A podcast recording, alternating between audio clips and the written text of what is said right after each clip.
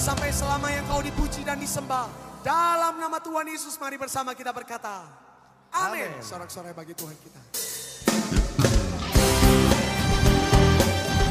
Menerima sukacita yang baru sore hari ini Tuhan. Dan kami mau bernyanyi bagimu.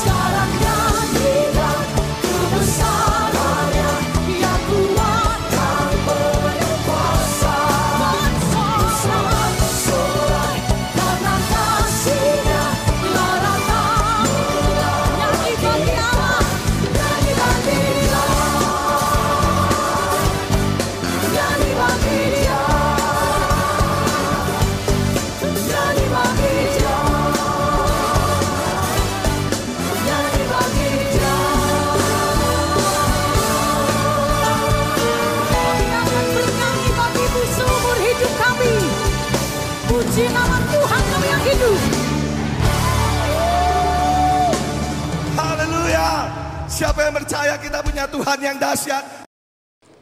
Selamat malam teman-teman semuanya. Apa kabarnya? Saya berharap kita semua dalam keadaan baik-baik saja. Dan kita sungguh bersyukur jikalau sampai saat ini Tuhan masih memelihara menyertai setiap kita. Mari kita buka Alkitab kita dari Injil Matius pasal 16 ayat 21 sampai 26. Matius 16 ayat 21 sampai 26. Saya akan bacakan. Sejak waktu itu Yesus mulai menyatakan kepada murid-muridnya bahwa ia harus pergi ke Yerusalem dan menanggung banyak penderitaan dari pihak tua-tua imam-imam kepala dan ahli-ahli Taurat, lalu dibunuh dan dibangkitkan pada hari ketiga. Tetapi Petrus menarik Yesus ke samping dan menegur dia, katanya, "Tuhan, kiranya Allah menjauhkan hal itu. Hal itu sekali-kali takkan menimpa engkau." Maka Yesus berpaling dan berkata kepada Petrus, "Enyahlah iblis, engkau suatu batu sandungan bagiku, sebab engkau bukan memikirkan apa yang dipikirkan Allah, melainkan apa yang dipikirkan manusia." Ayat 24. Lalu Yesus berkata kepada murid-muridnya, "Setiap orang yang mau mengikut Aku, ia harus menyangkal dirinya, memikul salibnya, dan mengikut Aku. Karena barang siapa mau menyelamatkan nyawanya, ia akan kehilangan nyawanya. Tetapi barang siapa kehilangan nyawanya karena Aku, ia akan memperolehnya." Apa gunanya seorang memperoleh seluruh dunia tetapi kehilangan nyawanya? dan apakah yang diberikannya sebagai ganti nyawanya? Sebelum kita merenungkan firman Tuhan, mari kita berdoa. Bapa di surga, sungguh kami bersyukur ya Tuhan. Engkau masih memberi kami kekuatan, kesehatan hingga sampai saat ini. Sungguh kami bersyukur mempunyai Allah yang sedemikian mengasihi, memelihara, menyertai kami, bahkan tidak pernah meninggalkan kami sedetik pun. Terima kasih ya Tuhan, cara khusus juga untuk kesempatan dalam kami bersama-sama mempelajari kebenaran firman-Mu. Tuhan berkati setiap anak pemuda-pemudi di mana pun mereka berada dan biarlah firman ini boleh terus mengingatkan kami, meneguhkan iman kami ya Tuhan. Terima kasih Tuhan, berbicaralah kepada setiap kami karena kami siap mendengarkan dan dibentuk oleh kebenaran firman-Mu. Di dalam nama Tuhan Yesus kami berdoa bersyukur. Amin. Nah tema kita pada malam hari ini teman-teman yaitu mengikut Yesus. Mengikut Tuhan Yesus. Ada orang mengatakan bahwa mengikut Tuhan Yesus, percaya Tuhan Yesus, ikut Tuhan Yesus, maka semua masalah beres. Percaya ikut Tuhan Yesus, maka penyakitmu sembuh. Ikut percaya sama Tuhan Yesus maka bisnismu, usahamu, segala sesuatu yang kamu lakukan lancar jaya, mulus, tanpa hambatan, tanpa ha, tanpa tantangan karena punya Tuhan Yesus. Apakah benar pernyataan demikian? Saudara, berbeda halnya yang kita baca tadi. Secara terang-terangan Tuhan Yesus berkata bahwa barang siapa mengikut aku, barang siapa yang mau mengikut aku, ia harus menyangkal dirinya, memikul salibnya dan mengikut aku. Tuhan Yesus tidak berkata kepada murid-muridnya, barang siapa yang mengikut aku, hidupnya akan tentram Barang siapa yang mau mengikut mengiring aku, maka engkau tidak mengalami pergumulan penderitaan hidup.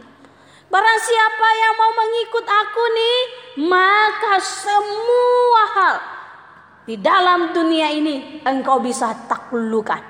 Saudara, faktanya Tuhan Yesus berkata dengan tegas kepada setiap murid-murid, "Hei, lihat, kalau engkau mau mengikut aku, perhatikan. Engkau harus menyangkal dirimu, memikul salibmu, dan mengikut aku. Saudara, sebuah pernyataan yang luar biasa.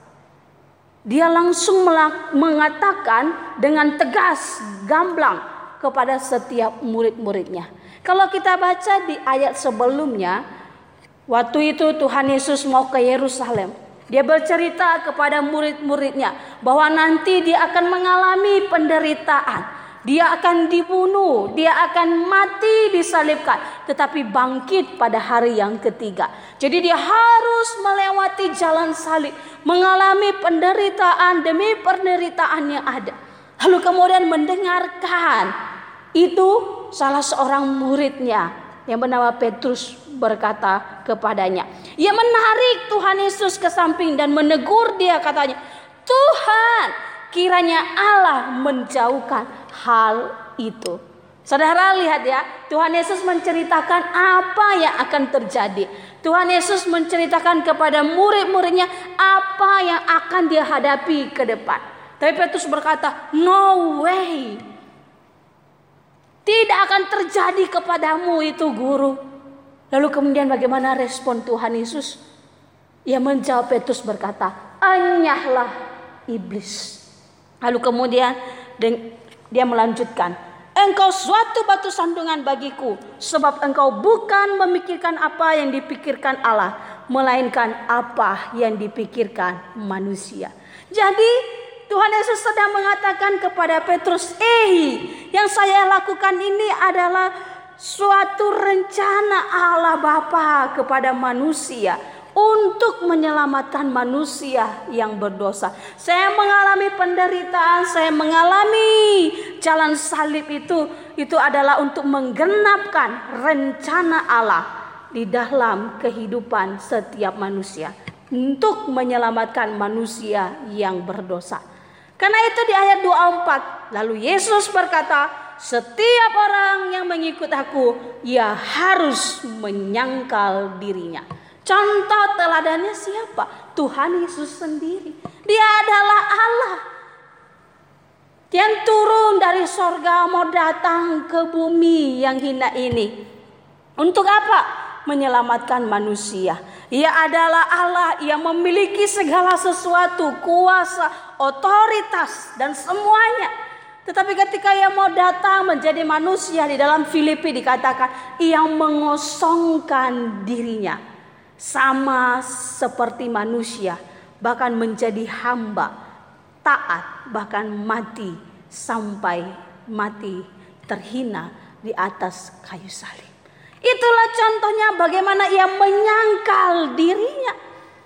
Jadi semua apa yang ia kerjakan, ia kerjakan untuk kepentingan, untuk menggenapkan rencana Allah Bapa di dalam kehidupan setiap umat manusia. Saudara, itulah kenapa dia dengan terang-terangan mengatakan kepada murid-muridnya, "Mengikut saya tidaklah mudah, tapi ketika engkau mengikut saya, ketika engkau mengikut aku, engkau harus menyangkal dirimu, menyangkal keinginanmu." menyangkal egomu, menyangkal apa lagi dengan berbagai tawaran di tengah dunia ini engkau harus sangkal dirimu, kedaginganmu dan sebaliknya engkau tunduk taat pada kehendak Allah Bapa. Itulah artinya ketika kita mengikut kita menyangkal, kita menyangkal diri kita, segala sesuatu keinginan kita kita sangka dan kita mengatakan ya kepada kehendak Allah Bapa dalam kehidupan setiap kita. Jika sesuatu yang kita lakukan bertentangan dengan Allah, maka kita stop. Jika sesuatu yang kita pikirkan bertentangan dengan firman Tuhan, maka kita tidak jadi lakukan. Jadi semuanya yang kita lakukan untuk memuliakan Bapa, untuk melakukan kehendaknya Menyangkal diri berarti mengatakan iya kepada kehendak Bapa. Tunduk taat, berserah diri, penyerahan diri secara total untuk memuliakan nama Tuhan. Dan itulah yang dilakukan oleh Tuhan Yesus ketika ia menggenapkan keselamatan, rencana keselamatan Allah kepada setiap kita manusia. Dia menyangkal dirinya, dia mengalami berbagai hal ia rela melakukannya hanya untuk menyenangkan Bapaknya. Begitu pula di dalam kehidupan kita sebagai anak-anak muda. Sesuatu yang kita lakukan meskipun itu terasa sangat menguntungkan bagi kita, susah untuk melepaskannya. Tapi jika itu bertentangan dengan kehendak Bapa, sangkal dirimu, lepaskan dan pilihlah untuk melakukan kebenaran yang memuliakan nama Tuhan. Yang kedua, Tuhan Yesus berkata, ia harus memikul salibnya. Lihat ya, ia harus memikul salibnya. Apa artinya? Di dalam kita mengikut Tuhan Yesus, di dalam kita mengiring Tuhan Yesus di tengah dunia ini, kita tidak bebas sekali lagi dari masalah penderitaan yang ada. Baik itu karena iman percaya kita kepada Tuhan Yesus, kita dikucilkan oleh dunia, kita dikucilkan oleh orang lain, bahkan kita mungkin diusir dari rumah karena kita percaya kepada Tuhan Yesus, ataupun karena berbagai tantangan, berbagai godaan yang ada di dalam dunia ini. Dikatakan memikul salib kita sendiri. Dan sekali lagi Tuhan Yesus memberikan contoh dalam hal ini. Yang mengalami berbagai penderitaan. Ia harus dibunuh. Ia harus ditikam. Ia harus disalibkan. Ia harus mati tetapi bangkit pada hari yang ketiga. Saudara, sekali lagi engkau dan saya ketika mengikut Tuhan Yesus tidak lepas dari masalah penderitaan yang ada di dalam dunia ini. Engkau dan saya tidak akan bebas dari masalah yang ada. Misalnya aja COVID-19. Kita sudah mengikut Tuhan. Kita sudah percaya. Apakah kita bebas? Belum. Tidak juga. Tidak pandang bulu siapa saja bisa kena. Hamba Tuhan bisa terkena COVID. Bahkan bisa mati. Orang yang berkuasa juga bisa mati. Orang juga yang masyarakat biasa bisa juga. Jadi Tuhan Yesus mengatakan engkau harus memikul salib. Engkau harus rela menanggung itu semua. Dan teladanmu adalah Tuhan Yesus. Tetapi ketika kita mengalami berbagai hal dalam dunia ini. Sekali lagi kita mungkin dikucilkan, direndahkan. Diasingkan karena iman percaya kita kepada Tuhan. Tidak apa. Karena Tuhan akan memberi kita yang lebih daripada itu. Di dalam ayatnya yang ke-25 dikatakan, karena barang siapa mau menyelamatkan nyawanya, ia akan kehilangan nyawanya. Tapi barang siapa kehilangan nyawanya karena aku, ia akan memperolehnya. Dengan kata lain apa? Ketika kita mengikut Tuhan Yesus, kita harus setia. Kita harus setia. Meskipun kita harus kehilangan nyawa kita. Meskipun nyawa kita menjadi taruhannya. Sebaliknya, jika kita mempertahankan nyawa kita sedemikian sampai kita menyangkal Yesus, berarti kita menolak mengikut Yesus dengan setia. Lihat ya. Jadi, yang kedua tadi memikul salib, rela mengorbankan nyawa kita.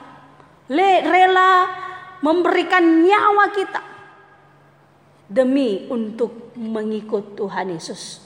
Jadi dengan kata lain tidak apa saya kehilangan nyawa saya, tapi saya tetap percaya kepada Tuhan Yesus. Tidak apa saya harus meninggalkan dunia ini, tetapi saya tidak mau menyangkal Tuhan Yesus dalam hidupku. Dan Tuhan Yesus berjanji, engkau kehilangan nyawamu karena karena aku, engkau akan memperolehnya. Memperoleh apa? Kita orang-orang yang percaya mengikut Tuhan Yesus, kita akan beroleh hidup yang kekal. Bahkan penderitaan yang kita alami dalam dunia ini tidak sebanding dengan kemuliaan yang kita dapatkan kelak. Itulah janji Tuhan.